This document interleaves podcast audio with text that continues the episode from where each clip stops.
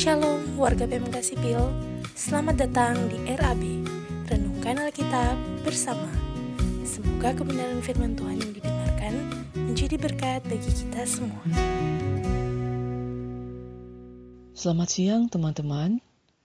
Syukur kepada Allah kita diberi kesempatan untuk ada sampai saat ini. Di saat ini kita akan mendengarkan firman secara bersama-sama yang terambil dari Yesaya 53 ayat 1 sampai 12 tetapi kita akan membaca sampai ayat yang ke-8 saja. Yang berbunyi demikian, Siapakah yang percaya kepada berita yang kami dengar, dan kepada siapakah tangan kekuasaan Tuhan dinyatakan? Sebagai taruk, ia tumbuh di hadapan Tuhan, dan sebagai tunas di tanah yang kering. Ia tidak tampan, dan semaraknya pun tidak, sehingga kita memandang dia. Dan rupa pun tidak, sehingga kita menginginkannya.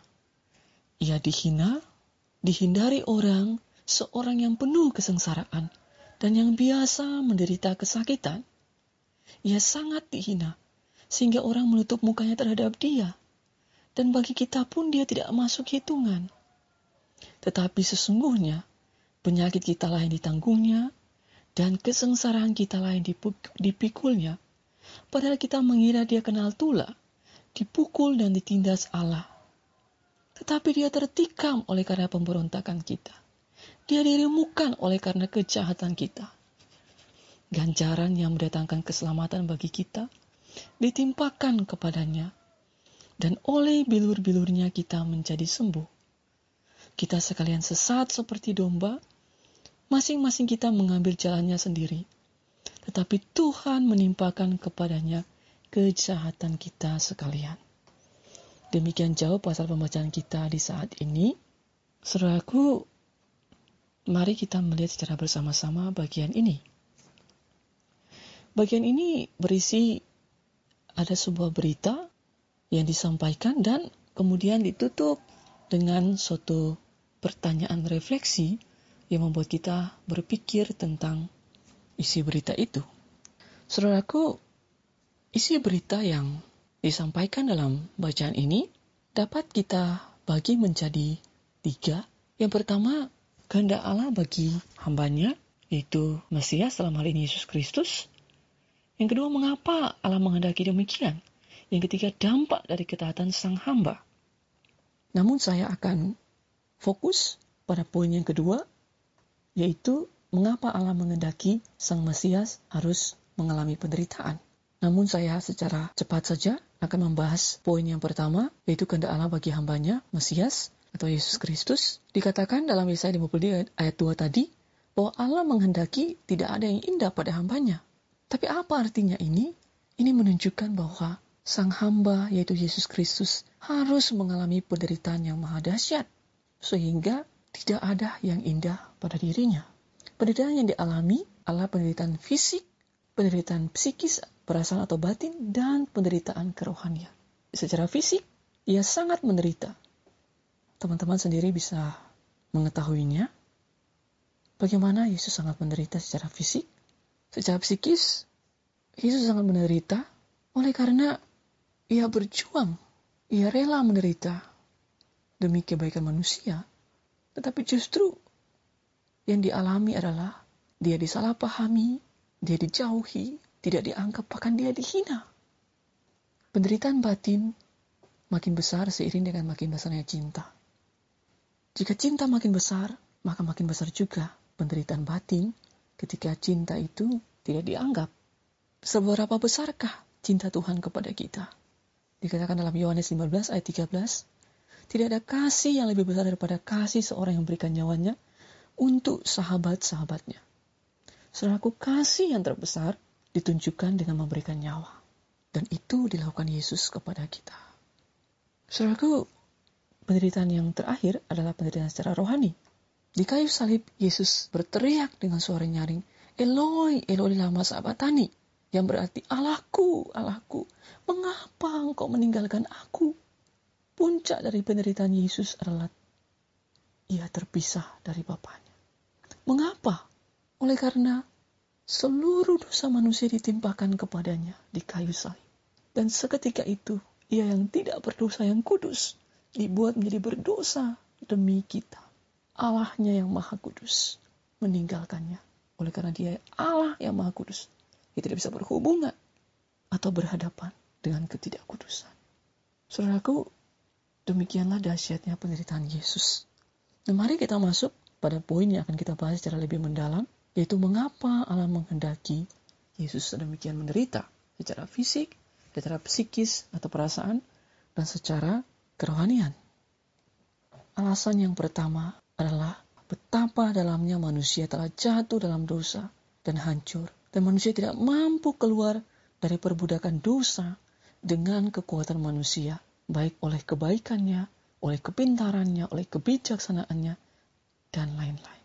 Saudaraku, mari kita melihat betapa hebatnya dosa merusak manusia. Saya akan membagi kerusakan yang diakibatkan oleh dosa terhadap manusia dalam dua hal. Yang pertama, kerusakan dari dalam, dan yang kedua, kerusakan di luar atau dalam sikap dan tindakan. Saudaraku, mari kita melihat secara bersama-sama kedua kerusakan ini. Pertama-tama kita akan melihat kerusakan dari dalam. Dikatakan dalam Yesaya 53 ayat 4, tetapi sesungguhnya penyakit kita lain ditanggungnya, dan kesengsaraan kita lain dipikulnya. Padahal kita mengira dia kenal tula, dipukul, dan ditindas Allah. Saudaraku, jika kita membaca secara teliti bagian ini, maka kita akan menemukan paling tidak satu hal penting bahwa keadaan manusia sebenarnya tidak sedang baik-baik saja.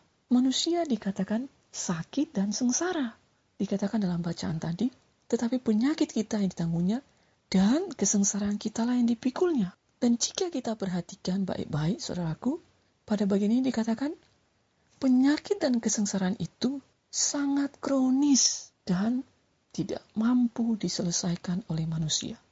Sehingga Allah mengintervensi dengan memberikan hambanya memikul dan menanggung penyakit dan sengsara manusia. Ini lalu membuat kita bertanya-tanya dalam keheranan. Bagian ini aneh. Aku baik-baik saja kok. Aku sehat. Hidupku terjamin. Aku bisa melakukan aktivitasku dengan baik. Bahkan aku berprestasi. Aku tidak sakit, kronis, dan sengsara. Jadi, mungkin bagian ini tidak ditujukan bagiku. Mungkin bagian ini bagi orang lain yang sedang terbaring sakit dan sekarat namun bagian ini ditujukan bagi semua orang. Berarti termasuk kita juga. Lalu sebenarnya apa maksud dari penyakit dan sengsara? Penyakit seperti apa yang dialami semua manusia dan menyebabkan sengsara? Saudaraku, manusia mempunyai dua komponen penting dalam dirinya, yakni jasmani dan rohani. Satunya bersifat material atau berwujud, itu jasmani, dan satunya bersifat imaterial tidak berwujud, yaitu rohani. Dan saudaraku, sesungguhnya rohani manusia memiliki pengaruh yang paling dominan terhadap jasmani manusia. Jasmani sehat itu baik, tapi jika rohani berpenyakit, maka akan menghasilkan orang yang pintar, kaya, terampil, tetapi pemberontak, jahat, dan sesat. Ayat yang kelima dan keenam. Penyakit yang dimaksudkan di sini, saya bisa definisikan sebagai kerusakan, lebih tepatnya kematian pada rohani manusia yang disebabkan oleh dosa yang mengakibatkan penderitaan atau kesengsaraan. Dan ini dialami oleh semua manusia. Semua, semua manusia berdosa. Roma 5 ayat 12. Sebab itu sama seperti dosa telah masuk ke dalam dunia oleh satu orang dan oleh dosa itu maut. Demikian juga maut telah menjalar kepada semua orang karena semua orang telah berbuat dosa. Jadi kita bisa melihat bahwa kita tidak sedang baik-baik saja. Nampaknya baik di luar, tapi di dalam sedang terus-menerus mengalami pembusukan demi pembusukan yang makin hari makin kronis dan akhirnya adalah penderitaan yang maha dahsyat. Tapi kerusakan macam apa yang terjadi pada rohani manusia yang disebabkan oleh dosa? Saudaraku, kerusakan yang dialami oleh rohani manusia yang disebabkan oleh dosa. Yang pertama adalah kerusakan dalam hati dan pikiran. Atau lebih tepatnya, hati dan pikiran menjadi buta atau gelap. Dalam ayat 5, 6 dikatakan, manusia itu jahat, manusia itu memberontak, manusia itu sesat. Ketiga kerusakan ini adalah kerusakan yang nampak dalam sikap dan tindakan. Namun semuanya itu dimulai dari kerusakan maha dahsyat di dalam hati dan pikiran. Saudaraku, seberapa signifikankah pengaruh hati yang dirusak oleh dosa terhadap kehidupan seseorang? Dalam satu buku yang terkenal yang dikarang oleh Kyle Adelman berjudul God Edwards, Peperangan Para Ilah, Kyle menulis bahwa masalah utama manusia sesungguhnya terletak pada bagian dalam manusia itu, bukan pada tindakannya. Tindakannya hanyalah gambaran dari bagian dalam hidupnya yang dimaksudkan dengan bagian dalam adalah hati. Saudaraku Amsal 4 ayat 23 mengatakan, Jagalah hatimu dengan segala kewaspadaan, karena dari situlah terpancar kehidupan hati adalah pusat kehidupan manusia. Hati adalah sumber motivasi kita, sumber kemauan kita, sumber kehendak kita. Hati menentukan bagaimana cara kita berpikir, kita merasa, dan kita bertindak. Oleh karena itu, hati adalah pusat peperangan. Jika hati dimenangkan oleh dosa, maka dosa akan menguasai diri kita. Saudaraku dalam Roma 1 ayat 18 sampai 32 kita bisa melihat bahwa ketika hati menjadi buta atau gelap, maka menyebabkan pusat penyembahan manusia berubah. Manusia tidak lagi menyembah Allah, tetapi ilah-ilah lain. Ilah-ilah lain di sini bukan semata atau secara hurufiah menyembah patung, menyembah pohon-pohon tidak, saudaraku. Ilah-ilah di sini bisa ilah seks, bisa ilah kesuksesan, bisa ilah prestasi, bisa ilah cinta romantis, bisa ilah keakuan, bisa ilah uang dan lain-lain. Dan hal ini berdampak pada tindakannya. Di dalam Roma pasal 1 ayat 25 sampai 27, ketika hati menjadi gelap, maka akan berdampak kepada pusat penyembahan dan kepada tindakannya. Dikatakan sebab mereka menggantikan kebenaran Allah dengan dusta dan memuja dan menyembah makhluk dengan melupakan penciptanya yang harus dipuji selama-lamanya. Ini menyangkut pusat penyembahan tidak lagi kepada Allah, tetapi kepada ilah-ilah lain. Dan karena itu Allah menyerahkan mereka kepada hawa nafsu yang memalukan. Sebab istri-istri mereka menggantikan persetubuhan yang wajar dengan yang tidak wajar.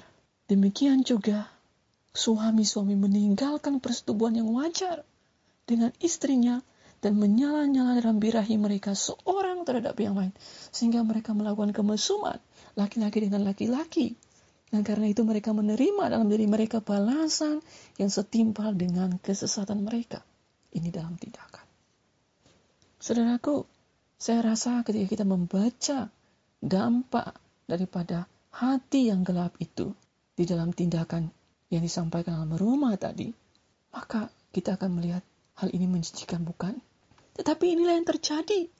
Dan bukan lagi tertutup, namun jelas terbuka. Saat dosa menguasai hati manusia. Hati menjadi buta, manusia mencintai hal-hal yang adalah sampah. Itu seperti seorang anak yang minum air yang diambil dari got atau jamban.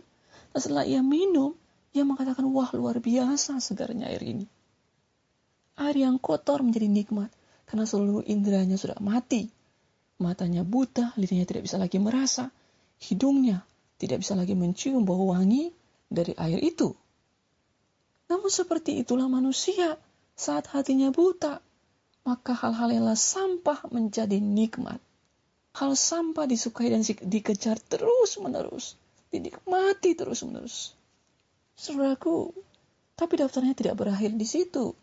Paulus menambahkan dalam pasal 1 ayat 23 sampai 31 dan oleh karena mereka tidak merasa perlu mengakui Allah, maka Allah menyerahkan mereka kepada pikiran-pikiran yang terkutuk, sehingga mereka melakukan hal yang tidak pantas. Penuh rupa-rupa kelaliman, kejahatan, keserakan, kebusukan, penuh dengan dengki, pembunuhan, perselisihan, tipu muslihat, dan kefasikan. Mereka adalah pengumpat, pemfitnah, pembenci Allah, kurang ajar, congkak, sombong, pandai dalam kejahatan, tidak taat kepada orang tua, tidak berakal, tidak setia, tidak penyayang, tidak mengenal belas kasihan. Saudaraku, saya ingin memberikan suatu kesaksian. Ada seorang anak yang lahir dari keluarga Kristen. Dan dia dididik dalam nilai-nilai Kristen yang ketat. Dia dituntut berprestasi sehingga dari segi moral ia sangat baik, dari segi intelektual ia sangat pintar. Namun dia menceritakan bahwa di balik semua prestasi dan kebaikannya itu, ia mengaku bahwa ia memperhatikan ada satu hal mendasar yang ia sering lihat berulang-ulang terjadi pada dirinya yang sangat merusak dia dan tidak mampu ia tolak serta tidak mampu ia mengatasinya, yaitu keinginannya untuk melihat pornografi. Yang seorang ini tentu laki-laki. Ia tahu itu salah, namun ia tidak mampu untuk menolak. Saat Rakina untuk melihat pornografi, ia selalu ikuti, padahal ia tahu itu salah. Seraku, Sejak SMP kelas 2 dia sudah melihat pornografi dan berlangsung. Pertama-tama melihat gambar porno dan berlangsung kepada video porno sampai dia kuliah. Ia selalu tertekan setelah melakukan semua itu karena dosa itu. Namun baginya ia sulit keluar. Saat ia kuliah, ia dipilih menjadi pengurus persekutuan Kristen di kampusnya. Dan saudara tahu, ia menjadi ketua si doa. Namun ia mengatakan bahwa ia sering melihat pornografi Bahkan ada satu kali ia mau ke jam doa. Biasanya di kampusnya itu setiap uh, dalam seminggu itu ada satu kali ada jam doa bersama untuk persiapan ibadah. Sekaligus mendoakan para mahasiswa supaya mereka mengenal Tuhan. Saudaraku, ketua si doa ini sebelum dia ke kampus untuk jam doa, dia ke warnet dulu untuk cari tugas. Dan di warnet itu sambil dia cari tugas, dia melihat video porno. Dan setelah itu, ia ke jam doa saudara bisa melihat bahwa bahkan hal-hal rohani sekalipun tidak menjamin seseorang itu benar-benar rohani di dalam hidup. Namun puji Tuhan, Tuhan tidak berhenti mengajar dia. Tuhan menunjukkan baginya lewat belajar firman Tuhan bersama dengan rekan-rekannya bahwa masalah utamanya adalah dosa yang menguasai hatinya. Dan saat itu dia memberi dirinya dipulihkan oleh Tuhan. Saudaraku, Cerita ini mengantar kita pada penjelasan bahwa hati yang gelap itu tidak dapat diselesaikan dengan cara manusia. Dengan disiplin berbuat baik, dengan disiplin menghapus aplikasi YouTube sekalipun, dan lain-lain. Tidak bisa. Masalah ini hanya dapat diselesaikan oleh Allah dengan cara Allah. Itu dengan menimpakan semuanya kepada hambanya. Semuanya ini karena kasih Allah bagi manusia. Tuntutan Allah, Allah manusia harus mati menanggung dosa tuntutan itu digenapi oleh hambanya, yaitu Yesus Kristus. Dia menderita menanggung dosa manusia. Dia mati dan dia bangkit. Kematian dan kebangkitan Yesus membuka jalan bagi pemulihan manusia secara radikal atau sampai ke akar-akarnya. Akarnya adalah hati. Hati dipulihkan maka manusia menjadi baru. Hati dipulihkan maka hati manusia menjadi terang dan kerinduan dirinya Allah menyenangkan Allah maka akan nampak dalam hidupnya itu membenci dosa dan hidup bagi Allah. Saudaraku, bagian yang kedua dari kerusakan dari dalam yang disebut kalau dosa tidak hanya merusak hati yang berdampak kepada tindakan manusia, tetapi dosa juga mematikan relasi manusia dengan Allah dan menimbulkan kesengsaraan manusia yang bersifat batin. Saudaraku, Mari kita melihat kejadian 3 ayat 8 dikatakan ketika manusia mendengarkan bunyi langkah Tuhan Allah yang berjalan-jalan dalam taman Eden itu, maka apa yang terjadi? Itu peristiwa ini setelah manusia itu sudah berbuat dosa. Yaitu mereka bersembunyi dari Allah. Sebelumnya dikatakan bahwa ketika mereka jatuh dalam dosa dan mereka melihat tubuh mereka telanjang, maka mereka menutup dirinya dengan dedaunan. Saudaraku, mereka bersembunyi karena mereka merasa malu mereka merasa takut berjumpa dengan Tuhan. Saudaraku, dosa mematikan atau memutuskan relasi dengan Allah. Dosa tidak hanya menimbulkan ketakutan, tetapi dosa menjadi penghalang relasi manusia dengan Allah, sehingga manusia tidak bisa berrelasi dengan Allah. Manusia boleh berdoa kepada Allah, tetapi doa itu tidak sampai kepada Allah karena dihalangi oleh dosa. Namun tidak hanya itu, saudaraku. Dosa menimbulkan penderitaan batin yang mendalam karena merasa malu, tertekan, dan hal itu membuat manusia bersembunyi dari Allah. Saudaraku, inilah sifat dasar manusia. Ketika manusia berbuat dosa, maka manusia itu bersembunyi atau lari dari Allah. Namun saudaraku, sejauh apa pun manusia melarikan diri dari Allah, ia tidak bisa menemukan ketenangan, tidak bisa menemukan damai sejahtera, dalam hidupnya. Oleh karena hatinya tertekan oleh rasa bersalah dan malu akibat dosa yang ia lakukan. Dan makin hari ia makin jauh, makin hari ia makin tertekan, dan makin hari ia makin hancur. Saudaraku, seberapa besar rasa bersalah dan malu itu menekan kita. Menekan manusia ketika dia berbuat dosa. Dalam Mazmur 32 ayat 2 sampai 4 dikatakan, Berbahagialah manusia yang kesalahannya tidak diperhitungkan oleh Tuhan. Berbahagialah orang yang tidak berjiwa penipu. Selama aku berdiam diri, tulang-tulangku menjadi lesu karena aku mengeluh sepanjang hari. Sebab siang malam tanganmu menekan aku dengan berat.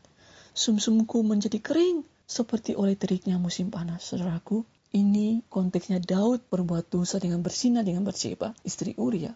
Dan dia berusaha menutupi dosanya dengan melakukan berbagai strategi kotor, namun tidak berhasil akhirnya cara terakhir satu-satunya adalah membunuh Uria, suami Batseba. Dan ia berdiam diri, tidak ada yang tahu. Tetapi Tuhan mengetahuinya. Saudaraku, ketika kita berbuat dosa, tidak ada yang tahu. Tetapi Tuhan tahu.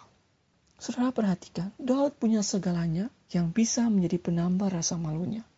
Ia punya kekayaan, itu bisa menjadi penambal, bisa memberikan hiburan bagi dirinya. Ia punya aktivitas, ia punya jabatan yang membuat orang-orang menghormati dia. Ia punya kepintaran, ia punya kekuasaan, ia punya kepenuhan dalam hal seksual.